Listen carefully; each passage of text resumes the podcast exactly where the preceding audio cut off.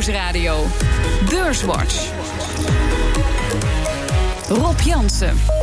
Welkom bij Beurswatch, het enige beleggingsprogramma op de Nederlandse radio met Kees Smit van Today's Groep en Wim Zwanenburg van Stroeven Lemberger. Welkom. Uh, het was een beetje Jantje huilt, Jantje lacht op de beurs. Mei was een hele slechte maand. Deze eerste week van juni zijn beleggers weer opgelucht. Wat is de belangrijkste reden daarvoor, Kees? Wat denk jij? Ik denk de centrale banken uh, als ik een woord mag roepen. Ja, centrale banken? Ja, de Powell, uh, put, uh, de, de Fed-president, die heeft vorig weekend gezegd, of deze week gezegd in een speech, van, dat hij toch weer nou, aanpast op de economische vertraging en dan de rente mogelijk gaat verlagen, dat hij dat tot de opties laat behoren. En de markt nam het gelijk als een gegeven. Het was de week waarin Lart Vriezen, topman van NN, zijn slag sloeg. Samen met Athora koopt hij verzekeraar Vivat en hij pikt er dan één onderdeel uit. We zijn vooral geïnteresseerd in de schadetak van Vivat. Omdat mhm. wij in Nederland uh, natuurlijk heel veel schadeactiviteiten hebben. En we willen daar graag uh, verder in uitbreiden. En met deze transactie stelt ons in staat om dat te doen. En daar zijn we erg tevreden over. En het was de week waarin Jerome Powell, de baas van de Amerikaanse centrale bank, de Fed, de beurzen een duwtje in de rug gaf. We are closely monitoring the implications of these developments for the U.S. economic outlook. And as always, we will act as appropriate to sustain the expansion with a strong labor market and inflation near our symmetric 2% objective. En Amerika legt Mexico handelstarieven op, maar is de douane er al klaar voor? Contessa Brewer van CNBC daarover. Here's the problem. Custom brokers say we're not prepared to assess tariffs coming in on Monday. There's no mechanisms in place. In fact, the Pacific Association sent a letter to President Trump trying to explain that. Ze zullen vaart moeten maken daar bij de douane in Amerika. Het lijkt erop dat Mexico die importtarieven niet kan ontlopen. Tegelijkertijd is Mexico wel een van de belangrijkste handelspartners eh, van de VS. Wim, wat denk jij zijn de gevolgen eh, van deze importheffingen die nu het begint met 5%, maar toch worden opgelegd aan Mexico? Ja, nee, Trump die heeft gezegd van uh, eh, 5% dat is maar het uh, begin. En als ik uh, geen resultaten boek, dan gaat het naar 25%. Dus dat betekent, en Amerika heeft altijd een tekort op de handelsbalans.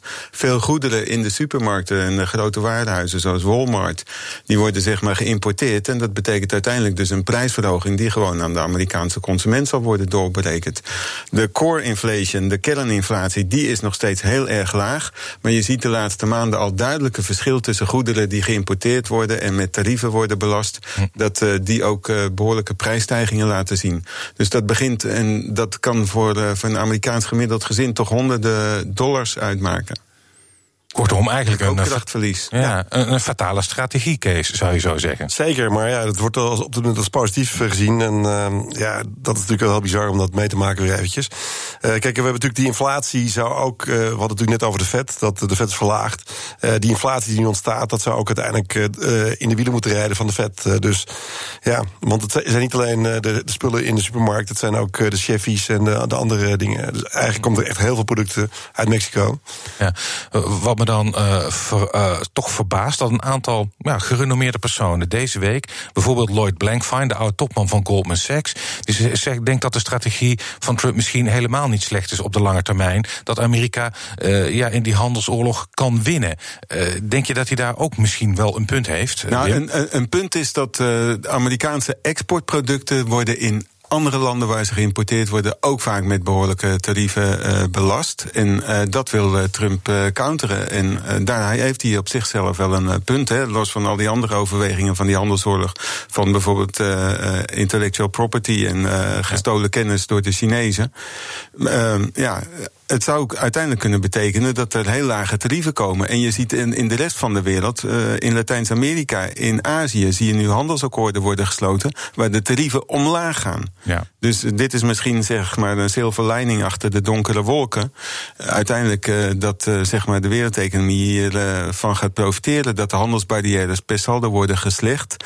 Maar ja, op korte termijn creëert Trump heel veel onzekerheid hè, door, zijn on, ja, door, zijn, door zijn gedrag. Het is trouwens niet alleen Mexico. Deze week heeft hij ook gezegd dat hij de privileges voor India gaat afschaffen. Ja. Dus ook daar, uh, nou, en daar koopt uh, bijvoorbeeld Walmart toch voor meer dan 16 miljard uh, per jaar aan goederen. Ja, um, naast Lloyd Blankfein was ook een top-econoom, de hoofdeconoom van Allianz, Mohammed El Erian, uh, die zei van ja, dit kan misschien voor Trump uh, wel een Reagan-moment opleveren. Reagan heeft een eind ja. gemaakt aan uh, de Koude Oorlog.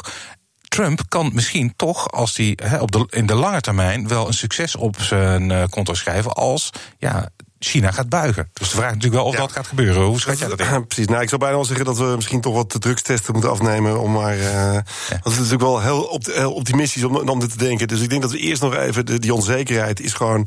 Uh, zou moeten zorgen dat die beurzen juist nu veel uh, moeilijker geprijsd worden dan ze nu zijn. Ja. want er zit gewoon heel weinig. er zit heel veel optimisme in de, in de beurs. En als er iets pessimisme inkomt, dan is meteen de centrale banken die het gaan oplossen. En, en daar heb ik een beetje mijn twijfels over, om het zo zachtjes te zeggen. Twijfel ook misschien wel, of reden tot twijfel, Wim. Uh, dan zoom ik even in op de banencijfers van Amerika. Die zijn vandaag bekendgekomen. Niet de verwachte 185.000 banen erbij in mei. Het werden er 75.000. Ook de lonen stegen minder hard dan verwacht. Is er een trend die door gaat zetten, denk jij? Verdere afkoeling in Amerika, Wim? Nou, je, je ziet echt wel eh, de, de impact, uh, vooral in de industrie. En dat zie je wereldwijd. Dat zie je in de eurozone, dat zie je ook in, in China. In april hadden we daar nog wat green shoots van economisch herstel, dat weer wat opvlakkerde. Maar inmiddels zijn daar ook de cijfers verslechterd. En dat waait nu ook echt wel over naar, naar Amerika. Want waarom zou dat gebeuren? Ja, als zeg maar de toeleverantieketens enzovoort gaan haperen. En Amerika is natuurlijk toch wel ook uh, op gebied van technologie wel afhankelijk uh, van, van buitenlandse productie en dergelijke. Hm. Als de investeringen ook gaan afnemen omdat de onzekerheid over de handelsperikelen toeneemt, ja, dan kan dat uh, gevolgen hebben. Het is wel zo dat je ziet wereldwijd dat de industriële productie en de inkoopmanagers van de industrie, dat die verslechteren, maar dat de service-economie, de diensteconomie overal er nog wel goed bij ligt. En hm. dat is bijvoorbeeld in de eurozone toch echt het grootste deel van de economie. En ook in, eh, in de VS. Ik vind een recessie. Hoewel er af en toe veel over geschreven wordt. Ook omdat de obligatiemarkt en de yieldcurve de aanleiding toegeven. Er is nog eigenlijk geen recessie in beeld. Maar je ziet wel een, een groeivertraging. Ja, um, als je uh, kijkt naar uh, de industrie, zeg je, die is. Uh, het is westerse landen zijn meer diensteconomie. Maar als je nou kijkt bijvoorbeeld naar Duitsland vandaag. Ja, een Kees. Min 1,9. Min 1,9. Zowel de industriële productie als de export. En ja. dat is voor hen heel belangrijk. Hele slechte cijfers. Maar dat, dat, dat is precies ook wat Wim zegt. Dus je ziet dus in de, uh, de effecten van de handelsoorlog... zie ik het echt als... Uh, dus de, in, de, in de sectoren die last hebben van die handelsoorlog... daar zie je dus nu een, een teruggang lopen. Of komen. Hm. En, uh, ja, en, en in de diensteconomie heeft daar helemaal geen last van natuurlijk. En, maar uiteindelijk gaat het, gaat het ook om, om de echte economie. En dat, de echte economie is de productie. Kijk, Chris, hoewel de conservatieve bestedingen hier en daar ook nog zwak zijn... maar er is geen echt totale vraaguitval. Nee. En de werkloosheid is laag in Amerika Amerika is die laag, zelfs ook in de eurozone zie je de werkloosheid uh, afnemen. Ook in de Zuid-Europese landen nog steeds. Dus uh, ja, men gaat niet totaal minder besteden. En dat houdt de economie wel, uh, wel draaiende. Ja, de, de IMF had ook inderdaad maar een, half procent teruggang mm. ingeschat voor, vanuit de, de trade war. Maar, ja. Dus in die zin is het ook niet. Maar, maar daarom snap ik de centrale banken niet dat die er zo paniek meteen roepen van nou, de rente. De beurs hebben inderdaad de wind in de zeilen gekregen afgelopen week door de steun van, van de FED. Het, uh, de keer van het sentiment. En dat zag je eerder dit jaar. Hè, na een heel slecht vierde kwartaal vorig jaar in 2018. Uh, eh, nou, op 6 januari was er een speech van Powell. Ja, en dat die, bij, ja. toen zei hij van nou, we gaan niet door met de renteverhogingen. Uh, toen, vorig jaar sprak hij over normalisatie en dat hij de geldmarkttarieven in lijn moest brengen met de economische groei. Nou, sindsdien is de markt totaal gekeerd, uh, is, is per saldo positief gelopen. De eerste vier maanden heel positief. In mei was het heel slecht vanwege de handelsoorlog. Je zag de cijfers, economische rapportages eigenlijk niet zo goed binnenkomen. Mm. En nu wordt er dus volop ingezet ja, op een vet renteverlaging. Ja, maar jij bent daar dus heel kritisch over. Ja. zouden ze eigenlijk niet moeten doen. Nee, zeker niet. Wim, vind jij ook dat ze te veel voor de muziek uitlopen, de centrale banken? Ik denk dat het belangrijkste is dat, uh, dat men zich richt op het eh, monetaire beleid en dus op uh, bestrijden van inflatie. Nou, dat is het ook niet. De, de, inflatiecijfers komen uh, steeds eigenlijk uit onder de verwachtingen. Dus er is wel ruimte om in ieder geval het monetaire beleid ruim te laten. Dus renteverhoging hoeft zeker niet. Maar renteverlagingen, nou ja, of dat nodig is, dat vind ik eigenlijk. Ik, ik denk, trouwens met die inflatiecijfers die gaan oplopen in, in, in de VS, dat de markt iets te optimistisch is dat er dit jaar wel twee renteverlagingen komen. Ik denk eentje, en dat is op dit moment wel ingeprijsd. Ja. Uh, maar uh, daarvan, als nou, je stel je richt je op de inflatie uh, en die, gaat, die blijft structureel al jaren heel erg laag. Ja dan is dat eigenlijk ook geen reden om daar. Ik bedoel, eigenlijk kun je zeggen, het beleid faalt dan toch? Want je... Ja, je kan ook zeggen dat ze het goed gedaan hebben. Want uh, ik bedoel, dat, je kan het ook positief uitleggen. Maar uh, het gaat dus nu puur eigenlijk, zou je verwachten dat, dat je. Is het nodig om een renteverlaging te doen? Dat is niet zo. Nee. En uh, dus de, dat, je, dat je het laag houdt, dat snap ik. In, in, in Europa, om, laten we het ja, even, ook eens even over de ECB hebben. Ja, er, blijft, van, ja, er blijft de rente gewoon laag. Maar je ziet eigenlijk dat de kredietverlening nauwelijks groeit. Het midden- kleinbedrijf gaat meer beroep doen op eigen vermogenfinanciering. Want die zegt bijvoorbeeld, als je de banken nodig hebt als straks uh, het gaat regenen, dan krijg je dat krediet uh, niet. Ja. Dus ja, het hangt, het hele monetaire beleid, dat is minder effectief uh, geworden. Ja. Wat zou, wat zou dan je advies zijn aan, aan uh, Draghi? nou, uh, dat hoeft niet zoveel meer, want Draghi is binnen een jaar ja, van het toneel verdwenen. Nou ja, goed, ik, ik zou zeggen van, ja, probeer langzamerhand uh, de markt aan het idee te gaan wennen om toch weer te normaliseren. Ja. Uh, dit, dit is gewoon ook niet meer uh, effectief. Wat de Amerikanen zeggen, uh, duwen tegen een slap touwtje, pushing ja. on a string. Ja. Het is niet effectief. Ja. Ja, dat is precies het verhaal. Ik zou zeggen in ieder geval, uh, ga niet verlagen, om, uh, zodat je in ieder geval nog ruimte hebt voor als het wel, als er echt iets, als het ja. echt nodig is. Uh. Ja, want je gereedschapskist raakt leeg. Het is helemaal leeg, precies. Zometeen praten we verder over de beurs en de economie, onder andere over de verkoop van Vivat aan NN Group. BNR Nieuwsradio. BNR Beurswatch. We bespreken de belangrijkste beursontwikkelingen van deze week. En dat doe ik met Kees Smit van Today's Groep en Wim Zwanenburg van Stroeven Maar eerst maken we altijd even de balans op van de afgelopen week. De AEX die sloot op 550,2 punten. En dat is 1,8% hoger dan vorige week. Stijgers. Op 1. NN Group met een plus van 6,3% vergeleken met vorige week. Op 2 Albers Industries met een plus van 6,1%. En op 3 ASR, die misgrepen bij Vivat, toch een plus van 4,9%. En het midcap aandeel dat het best presteerde deze week was TKH Group. Vroeger bekend als Twentse Kabel, met een plus van 11,9%.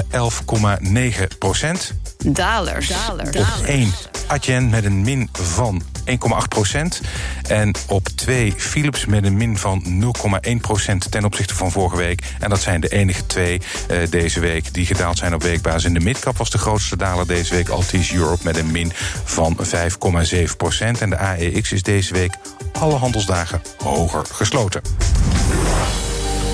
Anbang heeft Vivat verkocht vandaag. Um, uh, werd dus duidelijk dat NN Group samen met Athora, een gespecialiseerde verzekeraar of een bedrijf dat zich volledig richt op verzekeren en herverzekeren, het winnende bod uh, hebben ze samen uitgebracht. Um, Wim, is Vivat een goede match voor NN Group? Wat denk je? Nou, uh, ik zie niet zoveel perspectief zeg maar, in, de, in, in de levenmarkt. En ze gaan vooral het schadebedrijf uh, overnemen. En ja, uh, ja daar zullen een aantal labels wel blijven. Maar aan de achterkant zal men op de synergievoordelen inzetten. En technologie en integratie van IT en al dat soort dingen. Ook nog wel kostenbesparingen. Ja. Dus, uh, en ja, de markt heeft dat uh, zeer positief uh, onthaald. Ja. Ik moet zeggen, ik ben niet zo heel erg fan toch meer van beleggingen in de Nederlandse verzekeraars. Maar ja, die koersstijging van meer dan 6 procent, ja. die, die mogen wel zijn voor nationale. Ja. Ben jij ook geen fan van Nederlandse verzekeraars? Nee, ik ben niet echt zo natuurlijk. Uh, kijk, dit is natuurlijk, deze hebben natuurlijk juist een uh, renteprobleem. Uh, ik bedoel, die lage rente is natuurlijk juist niet goed voor, zeker voor het levendeel niet.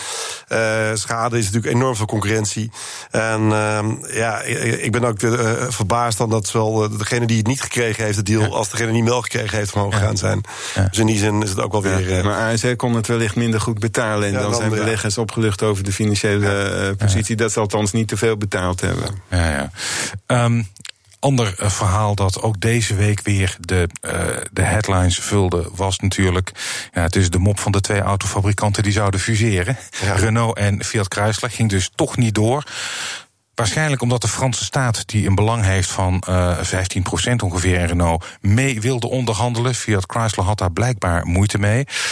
Um, Een gemiste kans? Of is het maar beter dat de deal is afgeketst? Uh, ja, ik vind het moeilijk. Uh, maar mijn eerste gevoel zou zijn dat het uh, maar beter is dat het afgeketst is. Ja? ik bedoel, het zijn. ik bedoel, die, die, die, Audi, of die autogiganten zijn natuurlijk allemaal. zijn er midden bij elkaar. Maar je zou zeggen van. je kan met alle techniek die er aan zit te komen. met elektrische auto's en andere zaken. dat, dat je dingen beter samen zou kunnen doen. Maar ja. het zijn ook wel twee hele andere bedrijven. De een. en, en met samenwerking met Frans is ook niet helemaal ons ding, denk ik. dus, waar we direct al enthousiast over worden.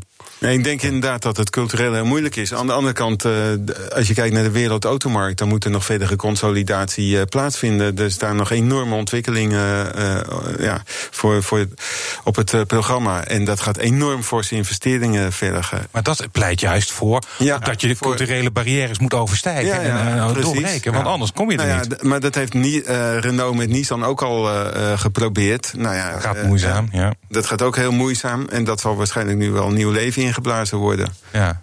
ja. Maar de vraag is dan toch, uh, als je uh, concludeert aan de ene kant.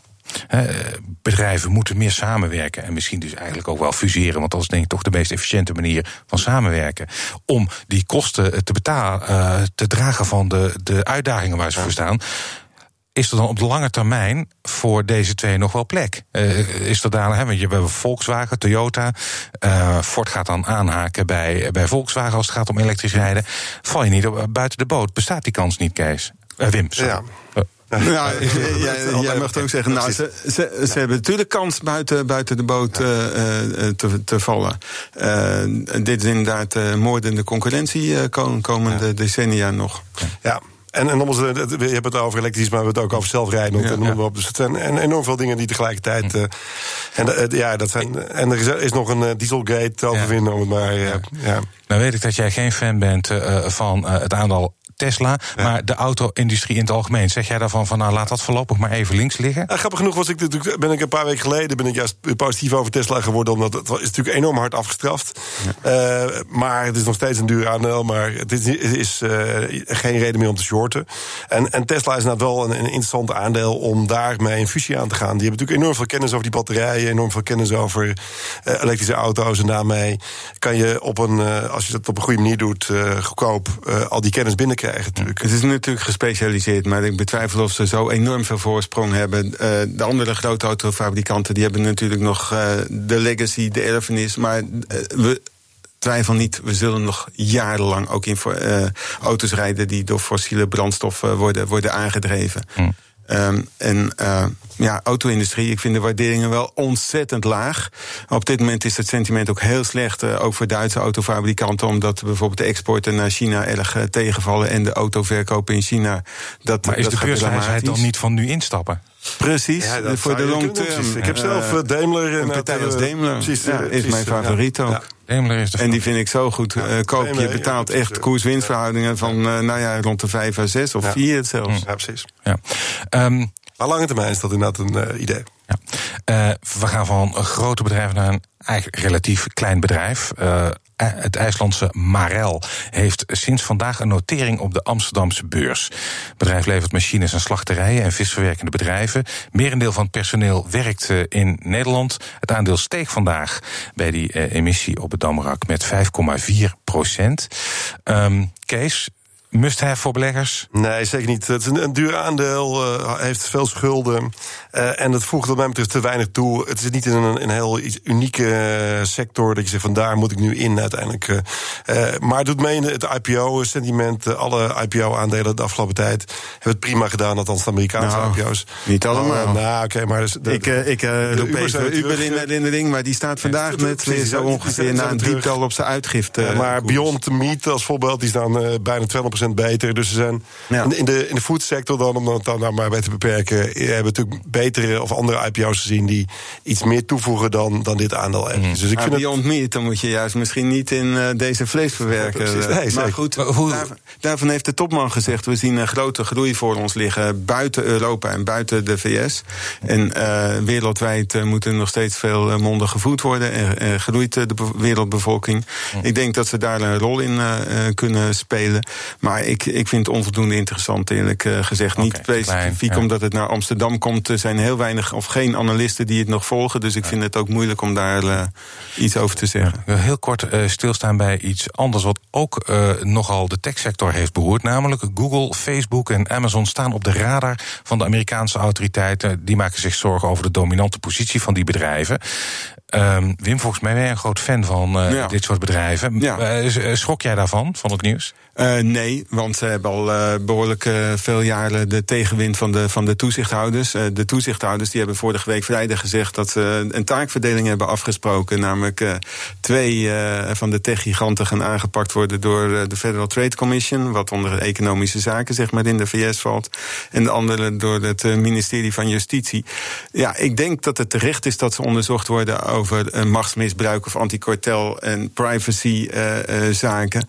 Maar aan de andere kant, ik ben toch nog steeds fan van deze companies. Want ze hebben een exponentieel karakter als ze die investeringen willen hebben gedaan in privacy en security.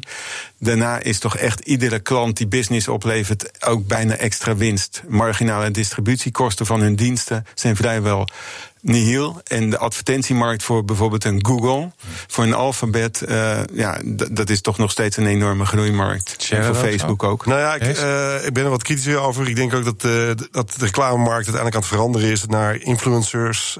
ik denk dat, dat dat een hele andere markt wordt die niet door Facebook en Google geregeerd wordt. Influencers hebben een platform nodig en dat bieden zij. Dus, nou ja, oké. Okay. Maar of je, of je dan kan verdienen aan, het, aan, je, aan je advertenties is wat anders dan, dan uiteindelijk. want dat is een heel ander businessmodel uiteindelijk. En daar zullen ze niet direct op, uh, op kunnen acteren. Um, voor de rest zien we een ander ding is natuurlijk dat er, dat er enorm veel uh, discussies over de content op, op dit soort uh, bedrijven. En, daar, um, en je hebt natuurlijk dan uiteindelijk dat de, de Europese toezichthouders vinden wat van, de Amerikaanse toezichthouders vinden wat van. Dus ik zou rekening houden gewoon met de splitsing van de, van de bedrijven in Europese en Amerikaanse ik varianten. Ik denk dat dat nog een hele lange juridische strijd wordt. En hm. kijk naar Microsoft. Dat heeft in het verleden ook forse boetes gekregen ja. van de Europese commissie hè, en is nu uh, top of the world. Ja, maar hij heeft zich wel getransformeerd en, natuurlijk. Ja, precies. En dat vind ik eigenlijk ook wel het uh, mooie. Maar er zijn zorgen of deze bedrijven uh, kunnen transformeren. Zeg maar de, de markt snel, niet, niet, misbruiken of ze niet te weinig gaan innoveren. Is de IMF ook bezorgd over. Ik denk dat dat meevalt. Ja. we zijn alweer aan het einde gekomen van de aflevering. En dat betekent dat jullie een tip mogen geven voor de luisteraar. Okay. Kees, the floor is yours. Ik zal het snel houden. Uh, we hebben Nokia, uh, een aandeel wat niet zo, niet zo hoog gewaardeerd staat, uh, weinig schulden heeft. en het idee is dat zij in de trade war één kunnen winnen. omdat de Huawei's van deze wereld op dit moment gemeden worden eventjes. En daar kan dan Nokia tijdelijk van profiteren. Nogmaals, het is een, een korte termijn koop. Technisch ligt het ook goed. En ja, uiteindelijk op lange termijn wordt het weer een nieuw verhaal. Maar op korte termijn is dit wel een leuk dingetje even. Nokia. En ik ben Tim. meer op de langere termijn uh, gericht. En daar heb ik ook een advies voor. Uh, om te kijken naar Ball Corporation. De tickersymbool is BLL voor de luisteraars. Kijk eens, het is op de Amerikaanse beurs genoteerd. En wat doet het nou? Het is werelds grootste blikfabrikant. En is dus toeleverancier van de, aan de conserveindustrie. En de trend is toch uh, tegenwind van de plastic verpakkingen. En meer in blik, want dat kan heel goed gerecycled worden. Het aandeel is niet goedkoop. Maar je ziet dat de marges na de overname die ze twee jaar hebben gedaan van een branchegenoot uh, Rexham. Dat de marges uh, uh, toenemen, free cashflow, inkoop eigen aandelen, verhoging van het dividend. En ze zijn wereldwijd toeleverancier van bijvoorbeeld Coca-Cola, Pepsi, Dr. Pepper en vele andere blikgebruikers. en het heet Bol. Bol Corporation. Afgelopen tien jaar 20% per jaar. Dat is toch uh, iets wat. Uh, en inmiddels toch ook uh, meer dan 20 miljard beurswaarde. Dus ook geen kleine jongen meer. Bol en Nokia. Uh, hartelijk dank, Kees Smit van Today's Groep en Wim Zwanenburg van Stroeven Lemberger. Dit was Beurswatch. Als u wilt reageren, dan kunt u een mail sturen naar beurswatch.bnr.nl of tweeten naar Rob Jansenbeurs. Terugluisteren, dat kan ook via de site, de app, iTunes of Spotify. En graag tot volgende week.